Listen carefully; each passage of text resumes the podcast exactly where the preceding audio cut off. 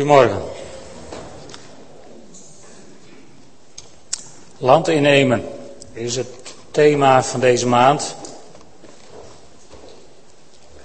En uh, het eerste onderwerp waar ik het met jullie over wil hebben, heeft, uh, heb ik de titel meegekregen. Hef de banier op. Waarom hef de banier op? Omdat het zeker in oude tijden een goede gewoonte was om je banier te plaatsen in het land wat je wilde innemen. Eigenlijk is het niet zo ouderwets, want volgens mij staan er vlaggetjes op de maan en op Mars en zelfs sinds een jaar onder het ijs van de Noordpool op de zeebodem. En we doen dus nog steeds aan dit soort dingen. Onze banier ergens neerzetten om een claim te leggen op dat land wat we zouden willen hebben, waar we menen recht op te hebben. Hef een banier op. En dat is tevens het laatste deel van een hele serie die we met elkaar hebben gedaan over Jesaja 62 vers 10. Daar wil ik nog één keer met jullie naartoe. Jesaja 62 vers 10. Ga door de poorten, ga er doorheen. Maak de weg vrij voor het volk. Ruim baan. Effen de weg, verwijder de stenen en steek het vaandel op voor de volken. Daar heb je hem weer. Een tekst waarin je vijf opdrachten kunt onderscheiden. En we hebben er vier van gezien. En vandaag wil ik bij de laatste met jullie stilstaan. We hebben stilgestaan al een hele tijd geleden bij de opdracht: kom uit de poort, kom tevoorschijn, laat zien wie je bent. Laat je spoor na. Bereid de weg voor het volk. En baan de weg voor de Heer. Ruim baan hebben we als thema gehad. Ruim belemmeringen op, of ruim de stenen op die er op je weg kunnen liggen. En we hebben gezien hoeveel stenen er soms op onze wegen kunnen liggen. Waar andere mensen over kunnen struikelen. En het nadeel van jouw stenen, als je ze niet opruimt, is dat je zelf ook ongelooflijk over kunt struikelen en onderuit kunt gaan. En de laatste is, hef een banier op. In de nieuwe Bijbelvertaling staat: steek het vaandel op voor de volken. De NBG zegt: hef een banier omhoog boven de volken. Eigenlijk zegt de Statenvertaling dat ook. In de Naardense Bijbel, dat vond ik wel mooi, daar staat: hef een banier omhoog voor de gemeenschappen. Dat is misschien nog wel veel belangrijker, want bij volken denken we zo vaak aan nationaliteiten en officiële staten. Een banier voor de gemeenschappen. Of de Friese vertaling zegt, en jou het volk een sein. En daar was dat banier voor bedoeld. Hè? Want waarom hadden ze vroeger van die banieren? Je ziet dat op oude plaatjes en in films wel eens. Als ze vroeger ten strijde trokken, dan, eh, dan ging er voorop ging er iemand met een banier. Net zoals tegenwoordig alleen nog bij het muziekkorps eigenlijk voorkomt. En waar was dat banier voor bedoeld? Dat banier was bedoeld om te laten weten wie je bent, zodat de tegenpartij wist wie je was. Dat stamt dus uit de tijd voor guerrilla-oorlogen en allerhande aanslagen uit het niets. Dit is nog uit de goede oude tijd dat als er gevochten werd, dat alleen de mensen die vochten er wat mee hadden en de rest had er geen last van. Laten weten wie je bent. En ook voor je eigen mensen, laat weten waar je bent. Want als soldaat was het heel belangrijk dat je vooral dezelfde kant uitging dan waar je banier heen ging. Want als je onderweg was de andere kant op, dan, dan was je in levensgevaar. Het banier was ook een bemoediging voor je eigen mensen. Zolang dat banier vier omhoog stond, dan was je nog niet verslagen. Dan was er nog hoop. Dan had je nog een goede kans. En het was een waarschuwing voor de vijand. Van pas op mensen, hier zijn we. Wij zijn sterk en krachtig. En zo hebben ook wij als christenen de opdracht om een banier op te heffen. We hebben er hier een prachtige hangen. Ha'arge Jehuda, de leeuw van Juda. Onze banier. De naam waarin wij in het leven, zeg maar, onze weg gaan. Het spoor wat we achterlaten. Het getuigenis waar we voor staan. En dat brengt mij dan ook bij, het opheffen van een banier, dat is ook een hele nieuwtestamentische opdracht. De Heer Jezus heeft tegen ons gezegd in Matthäus 28, vers 19, ga op weg Maak alle volken tot mijn leerlingen door hen te dopen in de naam van de Vader en de Zoon en de Heilige Geest. Vorige week hebben we een aantal mensen hier gehad die dat banier hebben opgeheven over hun leven. Hun vrienden, hun familie, hun bekenden hebben laten zien van kijk eens, hier sta ik voor. En zo zijn ze gedoopt. Ook Remco was daar nog bij. Toen is het gebeden of er een stukje van die salving in het kamertje mocht zijn bij onze broeder Rijn Elsinga in Appelscha. En, en Wiebo heeft me verteld dat die salving er was. Dat hij het heeft geweten toen later familie er was en nog een keer zei dat Remco gedoopt was. Toen was hij even heel helder en heeft hij God gedankt en geprezen voor het feit dat zijn kleinzoon gedoopt was. Hij heeft het meegekregen. Hij heeft het meegekregen. Weet je, banieren opheffen, dat is niet, dat is nog steeds heel reëel. Want God verleent daar door zijn Heilige Geest, verleent hij daar iets bijzonders aan. Verleent hij er kracht aan, waardoor er nog steeds hele bijzondere dingen gebeuren. En, en een banier opheffen is ook belangrijk in de maatschappij. Kent de burgemeester je gemeente? Kent, kennen andere hulpverleningskringen je gemeente, ons als kerk, zijn we bekend. Als, als een, een organisatie waar heil en genezing en hoop is te vinden. Of vinden we dat misschien hoogmoedig? Het zou hoogmoedig kunnen zijn als je gaat verkondigen dat je dat allemaal uit eigen kracht gaat doen. Onze broeder Reine heeft in het oasewerk heeft hij heel veel dingen gedaan en heel veel mensen uh, geholpen om, om bevrijd te worden van duistere machten en genezing te vinden. En, en hij, was, hij, hij was bekend. In de tijden dat het oasewerk nog hoogtij vierde, zeer zeker. En, en, en weet je, als ik er met hem over praatte, dan was hij nooit hoogmoedig. Het was nooit van ik. Het was altijd de Heer. Ik heb weinig mensen zo vaak tegen me horen zeggen: nee, de Heer. In de laatste maanden ging het ook altijd over de Heer, want daar wilde hij heen. Daar wilde hij naartoe. En, en, en toen ik met hem praatte, een tijdje geleden, toen vroeg ik hem: ja, wat, wat moeten we nou als we straks afscheid voor je nemen? Wat wil je nog gezegd hebben? En toen zei hij, één ding moet je iedereen goed duidelijk maken. Het gaat om de Heer. En als je de Heer niet kent, dan ben je verloren. En dat evangelie, dat moest verkondigd worden. Dat is me nauwlettend op het hart gebonden. En van de week dacht ik erover na. En toen dacht ik, nou, ik weet eigenlijk niet of dat wel nodig is. Want ik kan me niet een mens op aarde voorstellen die Reine Elzinga heeft ontmoet en niet van de Heer heeft gehoord. Dat was volgens mij een absolute onmogelijkheid. Want hij had het altijd over de Heer. Hij had zijn banier hoog. En weet je, er zijn, als ik zo jullie aankijk, zijn er veel meer die dat banier hoog hebben. En misschien durf je af en toe nog niet zo goed. En misschien denk je, nou, ik ben nog wat jong of ik ben niet zo ervaren, maar ik wil je aanmoedigen om dat banier op te heffen. En dat is geen hoogmoed, want het is niet jouw kracht. Het is ook niet mijn kracht dat ik hier sta. Is wel leuk, maar het is niet mijn kracht. Weet je, wij roemen niet in eigen verdiensten. En, en dan kan het nooit geen hoogmoed worden, want waar roemen we in? Nou, in ieder geval niet in onszelf. Paulus deed dat ook al niet. Hè? Paulus die zei, dat ik verkondig is niet iets om me op te laten voorstaan. Hij zei, nee, ik kan niet anders. En het zou me slecht vergaan als ik het niet zou doen. Nou, onze broeder Rijn op het lijf geschreven, zo'n tekst, maar wel meer mensen hier in de zaal op het lijf geschreven, zo'n tekst. Je verkondigt, je staat ergens voor, je bent ergens vol van, je bent ergens tot in het diepst van je merg van overtuigd en daar praat je over, daar getuig je van, daar sta je voor. En als je het mensen niet vertelt, dan zien ze het vaak nog wel aan je. En dan vragen ze je er wel naar.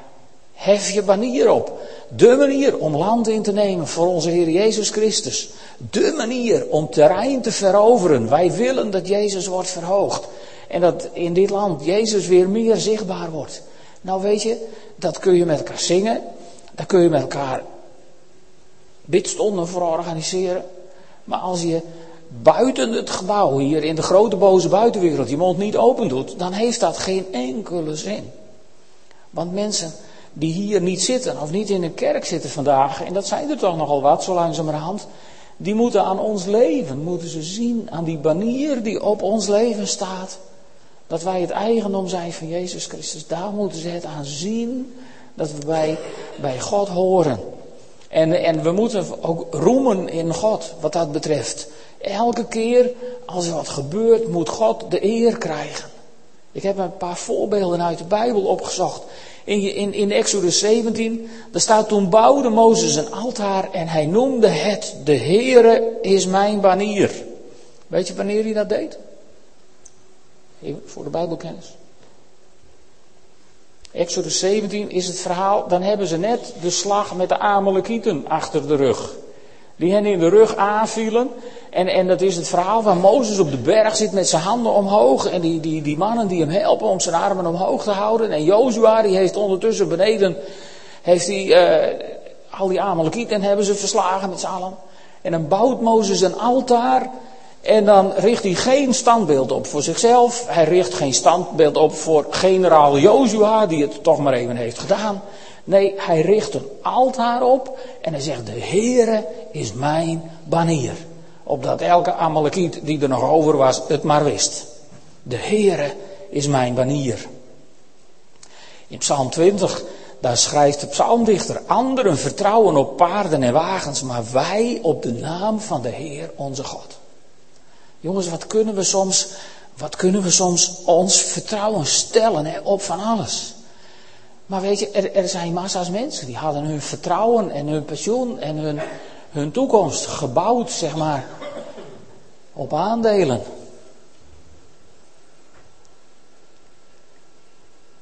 En die zijn niet zo vrolijk de laatste maanden. Maar zo kun je ook, ook, zo kun je, ook je vertrouwen bouwen op die baan die je hebt. Een vaste aanstelling tot je pensioen, tot je bedrijf failliet gaat waar je werkt of, of door de crisis in een problemen komt. En daar sta je dan. Met je goede gedrag. Je kunt op van alles je vertrouwen bouwen. En, en, en natuurlijk moet je wat vertrouwen hebben in de dingen die je doet in het leven. Want anders dan loop je ook de hele dag om je heen te kijken of er niet wat akeligs misschien schuilt. Maar ik, ik pleit ervoor dat we vol zelfvertrouwen in het leven staan.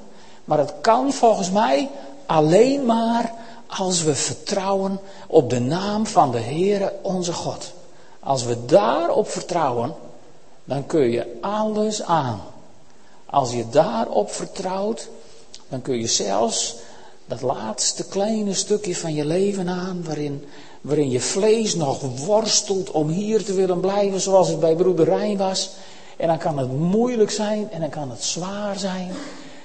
Voor hem, maar ook voor, voor, voor, voor, voor de kinderen en voor Ghana, voor zijn geliefden die daarbij waren. Maar dan kun je het aan.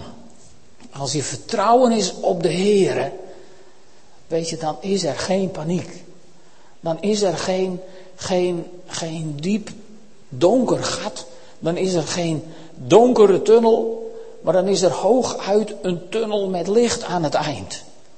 Dat is het, het geweldige voorrecht wat je hebt als kinderen van God. Als je leeft, als je leeft aan het hart van de Vader. Als je weet wat het is om te wonen bij God. Echt gemeenschap met Hem te hebben. En, en tijd bij Hem door te brengen. En dan kun je het aan. Dan kun je het aan. Dan ga je merken dat je soms door moeilijke dingen heen gaat. Maar na die moeilijke dingen of in die moeilijke dingen ga je merken. Ik vertrouw op de Heer mijn God en Hij draagt me erdoor. Hij helpt me erdoor. Hij laat me niet zitten. En, en dat is ook wat God doet. En dan in Psalm 145 zegt de psalmdichter: Laat geslacht na geslacht van uw schepping verhalen, uw machtige daden verkondigen. Dat is, staat ook nog mooi in een goede volgorde in de psalmen. Hè?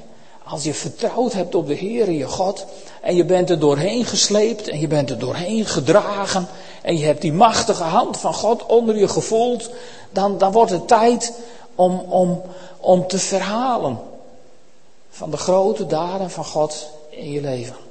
Dan is het moment daar om andere mensen te vertellen waar jij je kracht vandaan hebt gehaald. Waar jij de moed vandaan hebt gehaald. Waar jij, waar jij het vandaan hebt gehaald om je leven weer op te pakken. En weer verder te gaan met jouw leven. Die kracht, die kracht komt van onze God in de hemel. En weet je, het kan. Het kan. En misschien denk je op dit moment wel van nou, ik weet het niet, ik zie het helemaal niet zitten. Maar er zijn, er zijn zoveel mensen, ook hier om je heen, die, die door dalen zijn gegaan. En weet je, volgens mij is iedereen die door een diep dal is gegaan, die snapt wat David bedoelt. Als ik ga door een dal van diepe duisternis, dan is uw stok en uw staf, die vertroosten mij. Die helpen me, die dragen me, die leiden me en die, die brengen me er doorheen. En daarom roemen we in onze God, niet in onszelf. Niet in, in, in onze gemeente, al hoe geweldig we het met elkaar hebben. Nee, we roemen in God. Want het is God die ons die kracht geeft. Het is God die ons zegent met al zijn rijke zegeningen. En God zelf laat zeggen door de profeet Jesaja, dit is het volk dat ik mij gevormd heb.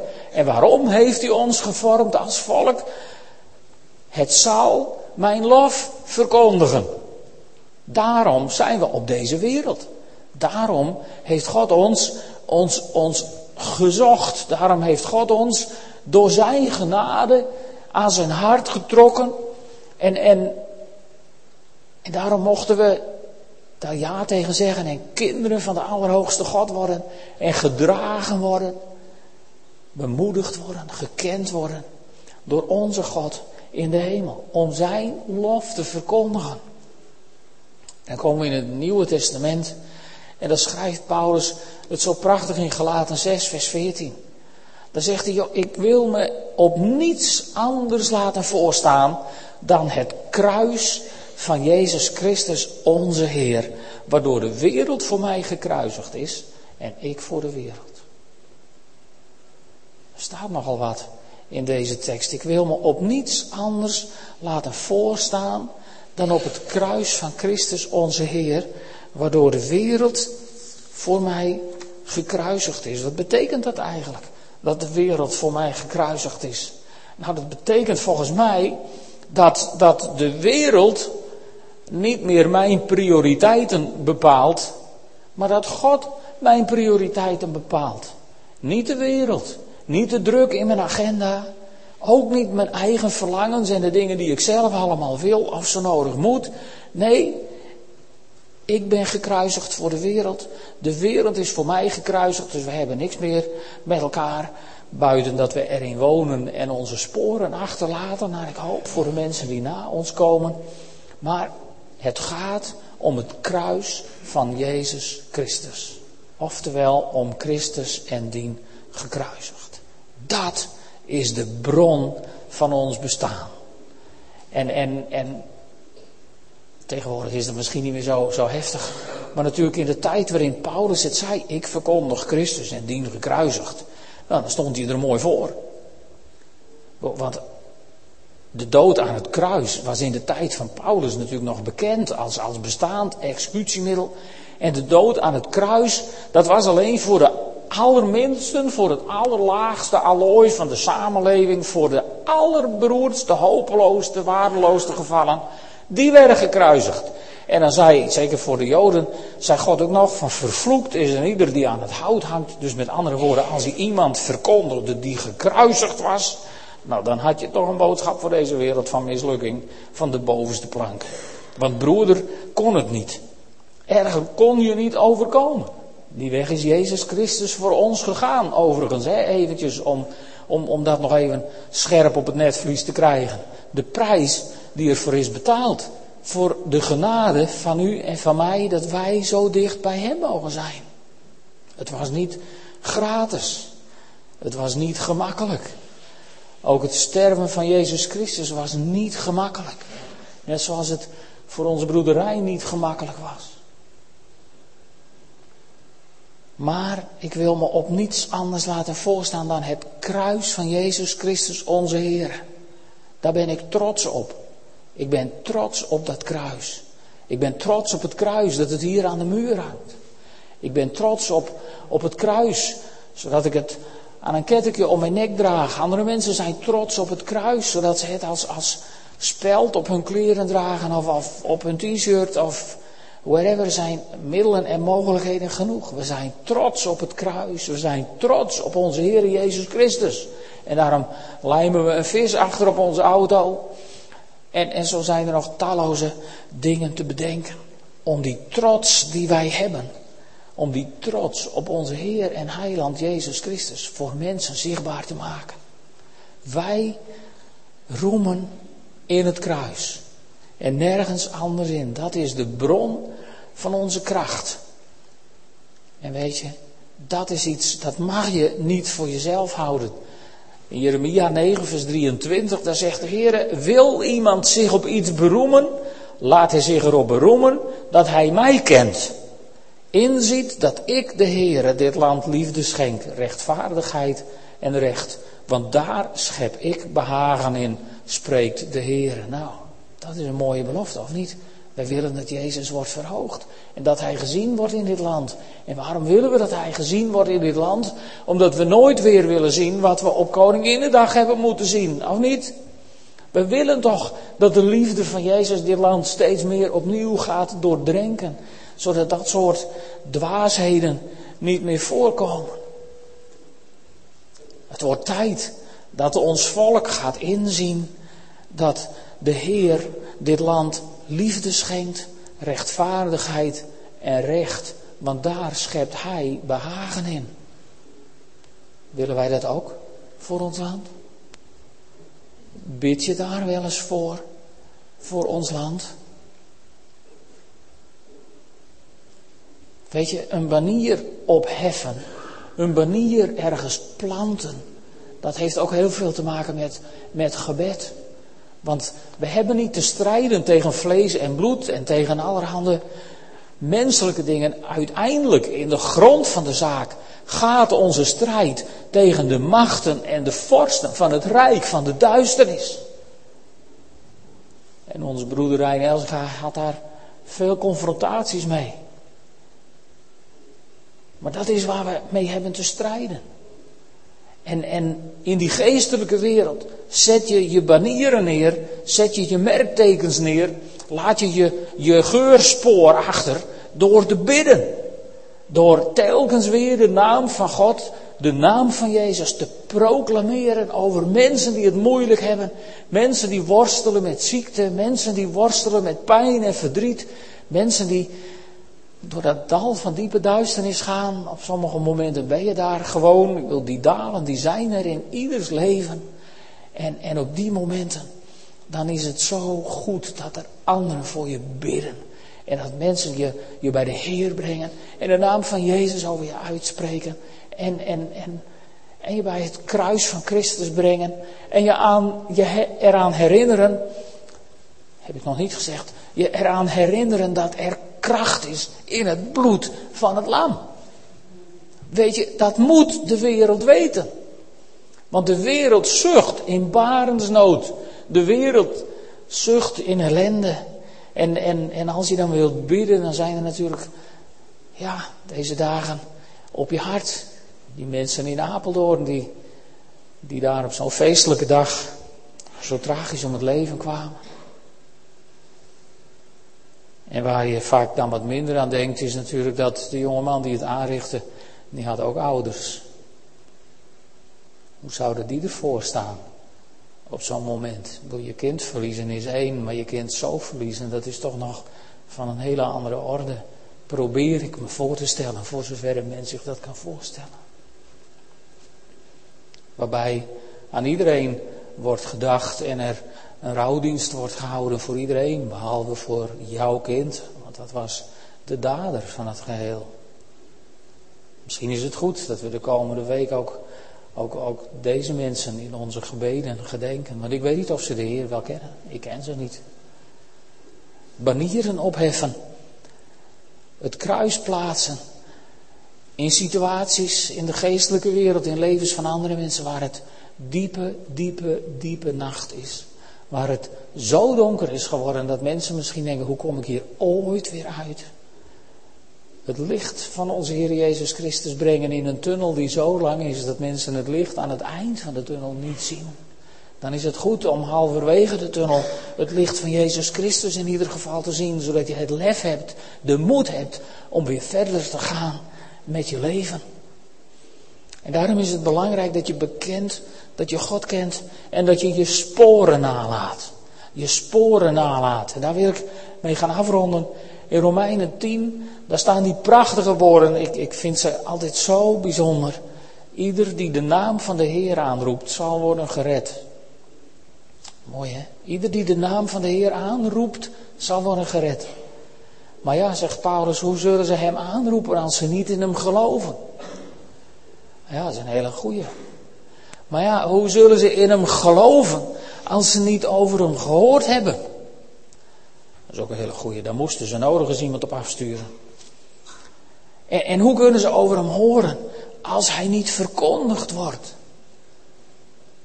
Hoe kunnen mensen die nooit in de kerk komen, over hem horen en in hem gaan geloven en door hem worden gered? Mensen in jouw omgeving, mensen in mijn omgeving, als ze in ons leven niet de vrucht zien van de Heilige Geest en daardoor denken, wauw, er is meer tussen hemel en aarde. Hoe zullen mensen ooit geloven als wij onze mond houden? Als wij denken, nou ja, ik durf niet zo goed, of ik ben er niet voor opgeleid, of daar hebben we per slotverrekening een voorganger voor. We alle excuses zijn mogelijk, maar, maar de, mensen die, die, de mensen die u ontmoet, ontmoet ik misschien wel niet. Dus je kunt het niet allemaal uitbesteden aan een voorganger of aan het bestuur van de gemeente of aan de dominee of aan whoever. Dat gaat niet. God brengt mensen op onze wegen, individuele mensen op onze individuele wegen. En God brengt ze niet op onze weg om alleen maar even te kankeren over het weer. Alhoewel we daar de laatste tijd natuurlijk weinig reden voor hebben en daar wordt het ook wat stil in Nederland misschien. Maar God brengt die mensen niet op onze weg om, om, om het over koetjes en kalfjes te hebben. Als God mensen op onze weg brengt, dan is het minste wat God verwacht, is dat ze na de tijd weten dat je christen bent en weet waar je voor staat. Ik was vrijdag even heel diep onder de indruk, dat mag ik vast wel even vertellen. Vrijdag heel diep onder de indruk. Ik was bij, bij de familie Elsinga met de begrafenisondernemer.